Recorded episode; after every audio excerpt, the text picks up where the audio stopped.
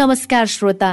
कार्यक्रम स्थानीय आवाजबाट प्राविधिक मित्र सृजना भुजेल तथा कार्यक्रम प्रस्तुता एसएन श्रेष्ठ र म यमुना राणा। कार्यक्रमको यो नयाँ अङ्कमा तपाईँलाई हार्दिक स्वागत गर्दछौ। कार्यक्रम स्थानीय आवाज तपाईँले हरेक दिन ठिक साँझ साढे सात बजेबाट आधा घण्टा रेडियो क्यान्डिड बयानब्बे दशमलव सात मेगा हर्जमा हाम्रो website W W W dot radio Candid dot कममा हाम्रो आधिकारिक फेसबुक पेजमा रेडियो क्यान्डिडको एप्स डाउनलोड गरेर र पोडकास्टमा समेत सुन्न सक्नुहुन्छ। कार्यक्रम स्थानीय आवाजको आजको अङ्कमा हामी सिन्धुपाल्चोक जिल्लाको पाँच पोखरी थाङपाल गाउँपालिकाको चिनारी र यसका अध्यक्ष टासी लामासँग कुराकानी गर्दैछौ। श्रोता पाँच पोखरी गाउँपालिका बागमती प्रदेशको सिन्धुपाल्चोक जिल्लामा पर्दछ। राज्य पुनर्संरचना हुँदा साबिकका बाँसखर्क बरुवा भोताङ थाङपालकोट गुन्सा थाङपालधाप भोटे नाम्लाङ र लागर्चे गाउँ विकास समितिहरू समेटी पाँच पोखरी थाङपाल गाउँपालिका घोषणा गरिएको हो। गाउँपालिकाको सिमानामा पूर्वमा जुगल पश्चिममा हेलम्बो गाउँपालिका उत्तरतर्फ रसुवा र लाङटाङ राष्ट्रिय निकुञ्ज साथै दक्षिणतर्फ मेलम्ची नगरपालिका पर्दछ। यस पालिकाको कुल क्षेत्रफल एक सय सतासी दशमलव दुई नौ वर्ग किलोमिटर रहेको छ। यस गाउँपालिकामा विभिन्न जात जाति तथा धर्म मान्ने व्यक्तिहरूको बसोबास रहेको छ। समुद्री सतहबाट चार हजार एक सय मिटरको उचाइमा यस पालिकाको उच्च भूभाग पाँच पोखरी पर्दछ। यस गाउँपालिका वन उर्वर कृषि जमिन नदी नाला र जैविक विविधता जस्ता प्राकृतिक सम्पदाले भरिपूर्ण छ। पालिकामा प्रशस्तै पर्यटकीय गन्तव्य रहेका छन् भने बहुमूल्य जडीबुटी र धार्मिक महत्त्व बोकेका प्रसिद्ध स्थललाई गाउँपालिकाले दिगो विकासका आधार स्तम्भको रूपमा लिएको छ। विशेष गरी गाउँपालिकामा धार्मिक तथा पर्यटकीय महत्त्व बोकेको पाँच पोखरी दुधकुण्ड सहित जुगल हिम श्रृङ्खला र डोर्जे लाक्पा हिमाल मुख्य पर्यटकीय आकर्षणको केन्द्रबिन्दुको रूपमा रहेको छ। यस पालिकाको नाम प्रसिद्ध धार्मिक र पर्यटकीय स्थल पाँच पोखरीसँग जोडिएको छ। गाउँपालिकाको नामाकरण भएको स्थल पाँच पोखरी यही पालिकाको वडा नम्बर तिन भोताङको भौगोलिक क्षेत्र भित्रको राष्ट्रिय निकुञ्जमा पर्दछ। त्यसैले यस गाउँपालिका पर्यटनका लागि प्रचुर सम्भावना भएको पालिका हो। तर बाढी पहिरो र भूकम्पका कारण गाउँपालिकामा उत्तिकै समस्या र चुनौती पनि छन्। यतिखेर हामीसँग कुराकानीका लागि यसै गाउँपालिकाका अध्यक्ष टासी लामा जोडिनु भएको छ। उहाँलाई हामीले तपाईँले नेतृत्व गर्नुभएको स्थानीय तहले तपाईँको कार्यकालमा पाएको सबैभन्दा महत्त्वपूर्ण उपलब्धि के हो भनेर सोधेका छौँ। यो विशेष गरी स्थानीय तहको अभ्यास नेपालको इतिहासमा पहिलोचोटि संवैधानिक रूपमा सुनिश्चित गरेपछि र हामी सिन्धुपाल्चोकमा बाह्रवटा स्थानीय तह बाह्रवटा स्थानीय तहमध्येको पाँचपरी थाङपाल गाउँपालिका हाम्रो गाउँपालिका उच्च हिमाली दूरदराजमा रहेको क्षेत्र र यस्तो बेलामा बहत्तर साल वैशाख बाह्र गतिको भूकम्प गयो भूकम्पले सिन्धुपाल्चोकमा सबैभन्दा मानव क्षति र भौतिक क्षति भएको गाउँपालिका पनि यही हो। छ सय उन्तिसजना नागरिकले मृत्युवरण गर्यो। यस्तो अवस्थामा सबै संरचनाहरू ध्वस्त भएको अवस्थामा स्कुल निजी आवास मठ मन्दिर गुम्बा यस्तो पूर्ण रूपमा क्षत विच्छेद भएको अवस्थाबाट हामीले जुन खालको जिम्मेवारी ग्रहण गर्नु पर्यो एक नम्बरको चुनौती यो थियो। दुई नम्बर जनशक्तिको असाध्यै ठुलो अभाव थियो कि कर्मचारीहरू गाउँ स्थानीय तहमा आइपुग्न निकै समस्या थियो। त्यस्तो कानुनी सबै कानुनहरूको अभाव थियो।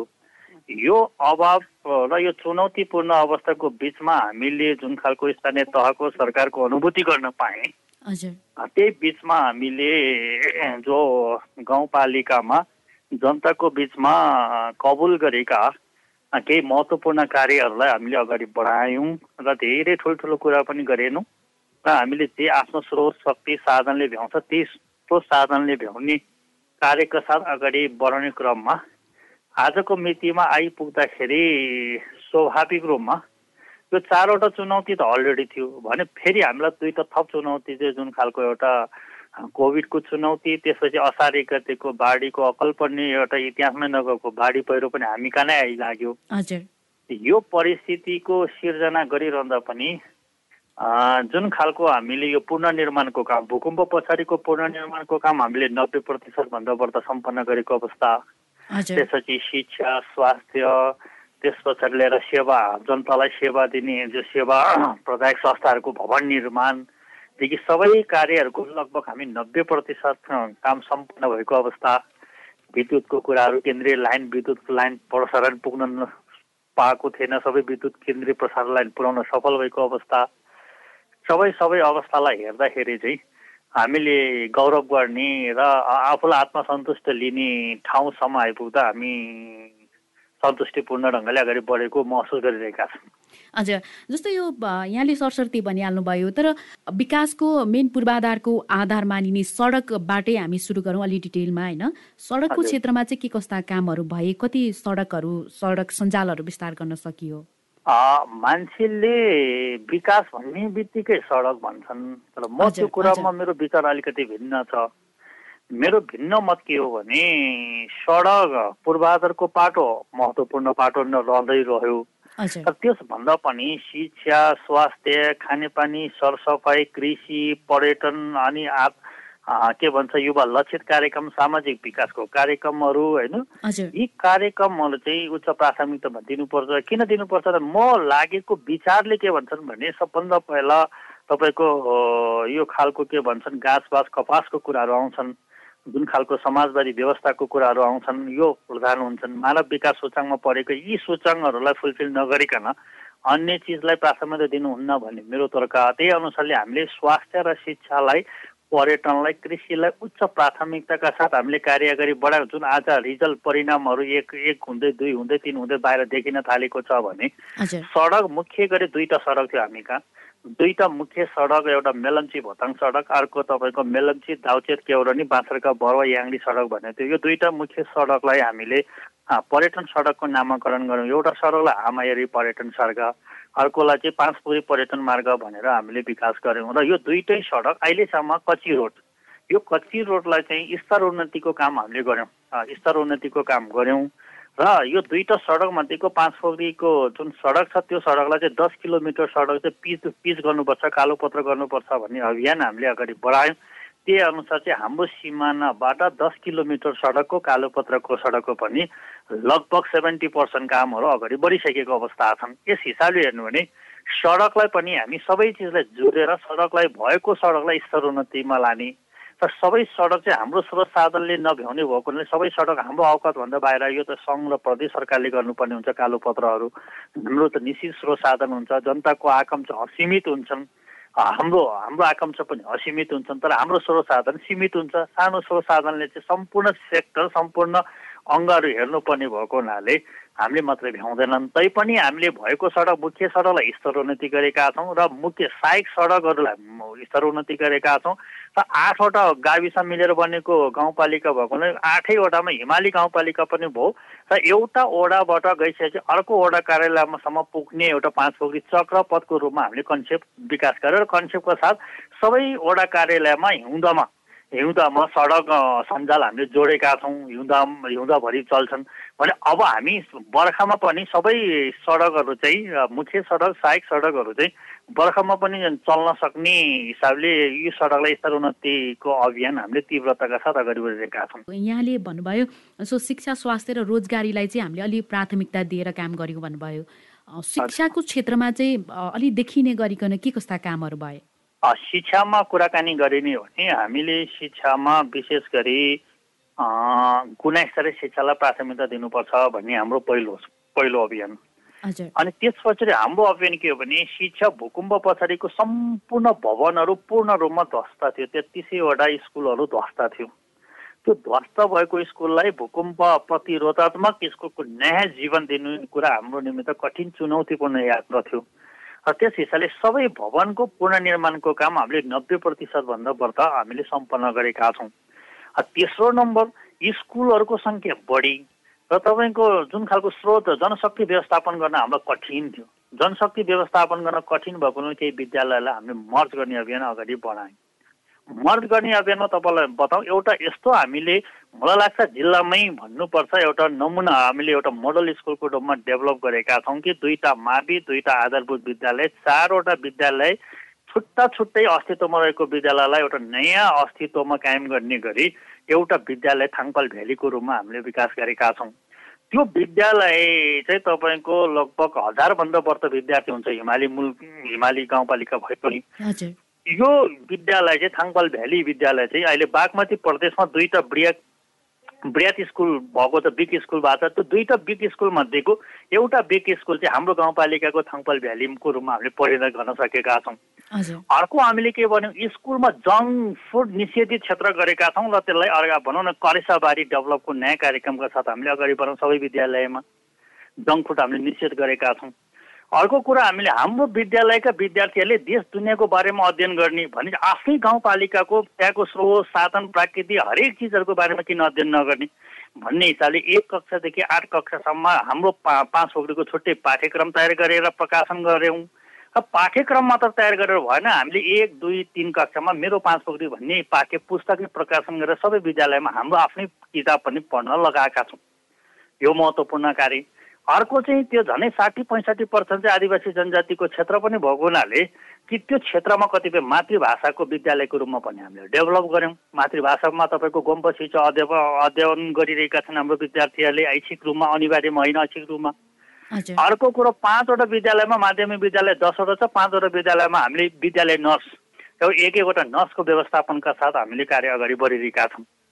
र शिक्षकहरूलाई तपाईँ अर्को पनि बताउँ। गुणस्तरीय शिक्षा बनाउनको लागि के गर्न सकिन्छ भन्दा टिच फर नेपाल भन्ने नेपालमा एउटा नयाँ प्रोजेक्ट छ नयाँ संस्था छ एउटा भोलिन्टियर टिचरको रूपमा काम गर्ने टिच फर नेपाल।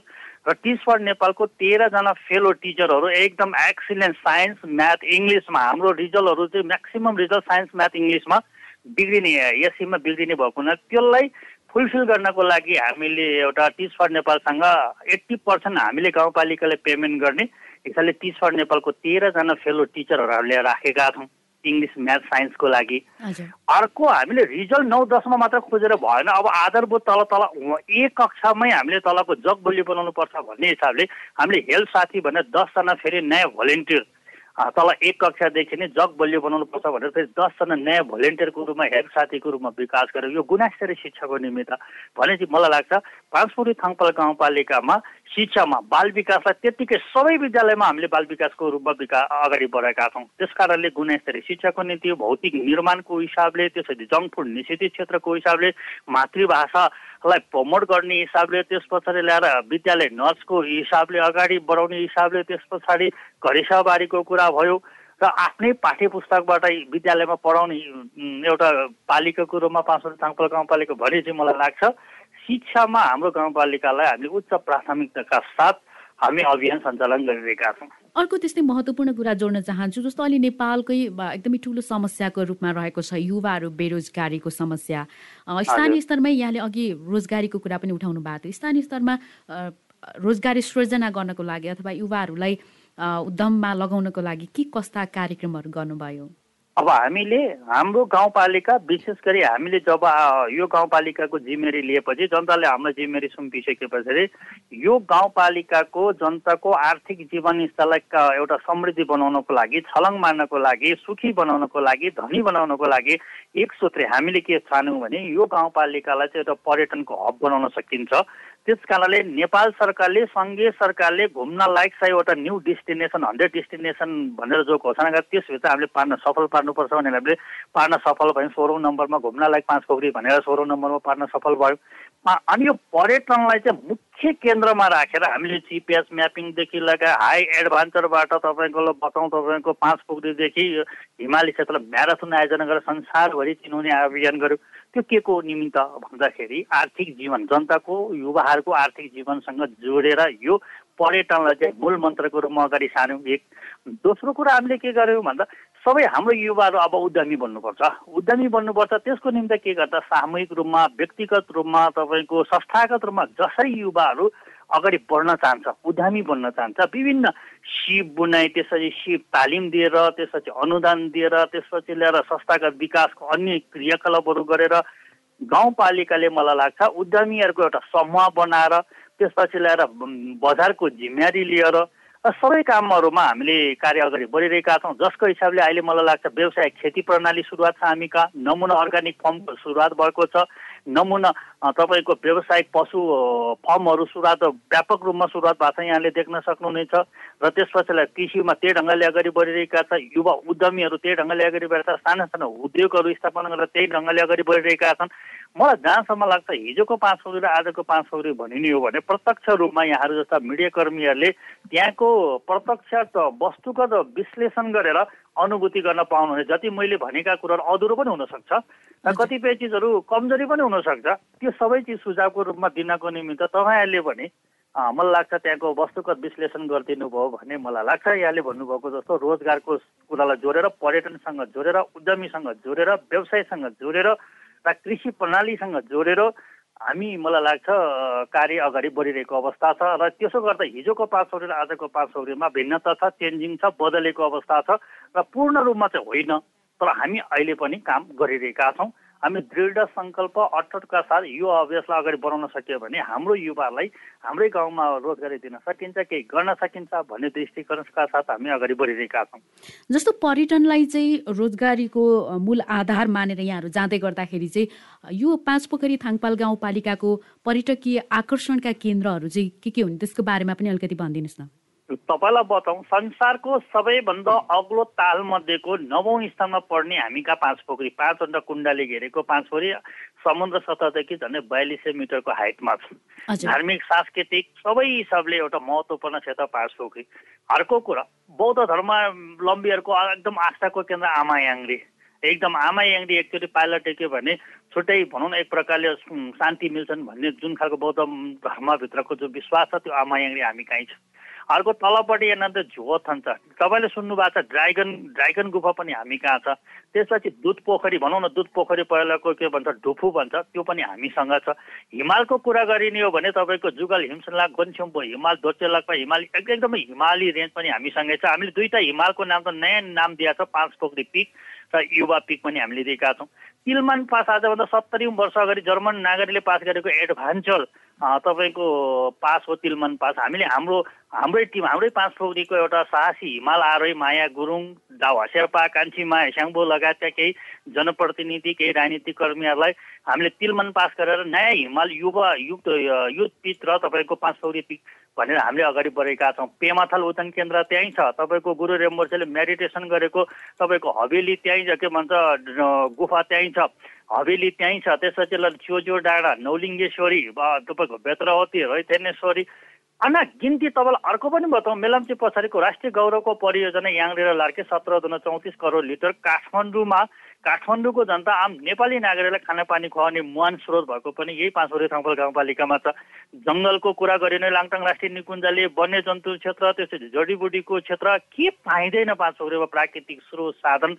सबै हिसाबले हिमाल जडीबुटी देवी देवताले वासस्थान गरेको धार्मिक सांस्कृतिक जाति वेशभूषा धर्म अनेकौँ चिज सबै चिजहरू चाहिँ पाँच पोखरीमा पाइने भएको हुनाले मैले त्यहाँको व्याख्या कसरी गरौँ यति धेरै अनगिन्ती छ। त्यस कारणले यो पाँच सौरी चाहिँ पर्यटनको एउटा अथाग सम्भावना छ। अथाग सम्भावना भएको हुनाले यसलाई पाँच सौरीलाई एउटा पर्यटनको हब बनाउन सकिन्छ। हब हो भने हाम्रो नागरिकहरू हाम्रो युवाहरूको आर्थिक छलङ मान्न सकिन्छ आर्थिक समृद्धि बनाउन सकिन्छ भन्ने हाम्रो गाउँपालिकाको अभियान। सिन्धुपाल्चोक भनेपछि प्राकृतिक प्रकोपका धेरै घटनाहरू हुने भनेर हामी सम्झिन्छौँ झट्ट सम्झिँदाखेरि। र यहाँले भनेअनुसार चाहिँ सिन्धुपाल्चोकको यो पाँच पोखरी यहाँको स्थानीय तह झनै भूकम्पले पनि एकदमै समस्या पुर्याएको थियो र असारको असार एकको बाढीले पनि उत्तिकै समस्या पुर्यायो र यो अब योभन्दा पछि चाहिँ अब ती समस्याहरूबाट बच्नको लागि चाहिँ के कस्ता पहलहरू भएका छन्? मानवीय क्षति होस् अन्य क्षतिहरूबाट जोगिन अथवा त्यसलाई जोगाउनको लागि चाहिँ के कस्ता पहल भएको छन्? तपाईँलाई बताउँ असार एक गते अकल्पनीय रूपमा इतिहासमै पहिलो पटक सोचेकै थिएन। जुन खालको त्यो पनि बर्खामा होइन बर्खाको सुरुवातको कालमा असार एक गते जुन खालको बाढी पहिरो आयो हाम्रो पूर्ण संरचना गरेको नब्बे प्रतिशत जो संरचना गरेको चिजहरू धेरै चिजहरू पूर्ण संरचना सरकारी भवन निची आवास सबै चिजहरू असार एक गतेको बाढीले लग्यो। लगेको कारणले हाम्रो जनताहरूको जीवन स्तरलाई तपाईँको अस्तव्यस्त बनायो। हाम्रो सडक पूर्वाधार पुल त्यसपछि ल्याएर कुलो कुल जनतासँग जोडेको लाइभलीहुडसँग जोडेको चिजहरू सबै लग्यो। र लगिसके पछाडि हामीले के गर्ने भन्दा अब यस्तो बेलामा आँतेर पनि भएन। हामीले तत्काल गर्ने तिनवटा योजना बनायौँ। हामीले तत्काल गर्न सकिने के के हुन्? त्यसपछि मध्यकालीन योजना के के हुनु त्यसपछि दीर्घकालीन योजना के हुनु बाढीसँग अब त्यसलाई हामी कसरी च्यालेन्जलाई मुकाबिला गर्ने यसलाई कसरी समाधान गर्ने भनेर तिनवटा हामीले एउटा रणनीति तयार गरौँ। त्यस हिसाबले तत्काल गर्नुपर्ने उद्धारका कार्यहरू थियो।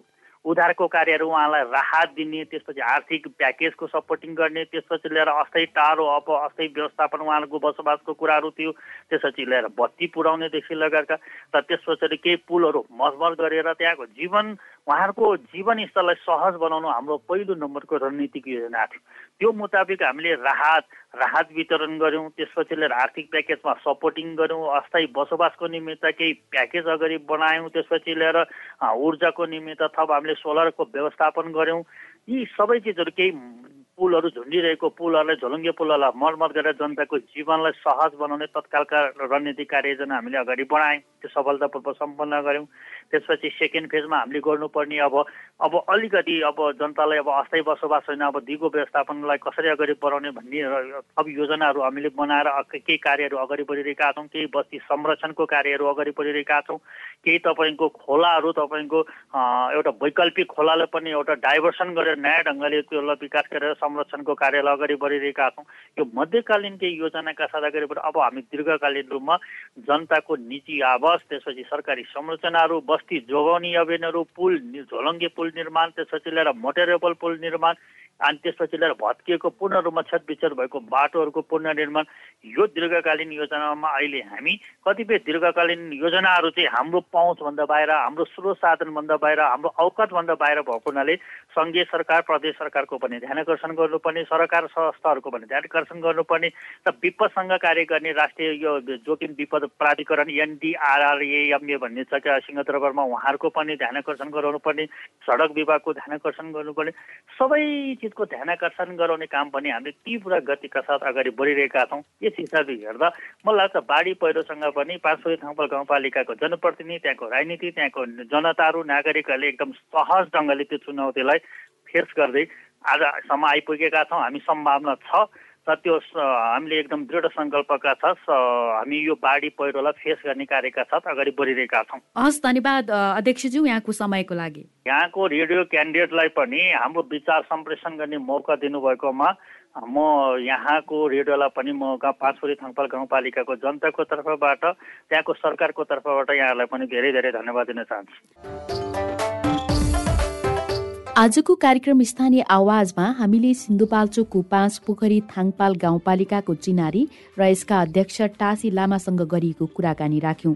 कार्यक्रम सुनेपछि तपाईँलाई कुनै सुझाव दिन मन लागेको छ अथवा कुनै स्थानीय तहका प्रतिनिधिसँग कुराकानी गरिदिए हुन्थ्यो भन्ने चाहनुहुन्छ भने हामीलाई हाम्रो फेसबुक पेजमा म्यासेज गर्नुहोस् अथवा कार्यक्रमको इमेल ठेगाना radio Candid ninety two point seven at Gmail dot कममा मेल गर्नुहोस्। उपयुक्त सुझावलाई हामी पक्कै ग्रहण गर्नेछौँ। कार्यक्रम सुनिदिनु भयो तपाईँलाई धन्यवाद। हवस् त भोलि फेरि भेटौँला। सृजना भुजेल एसएन श्रेष्ठ र म यमुना राणा। विदा भयौँ। नमस्कार।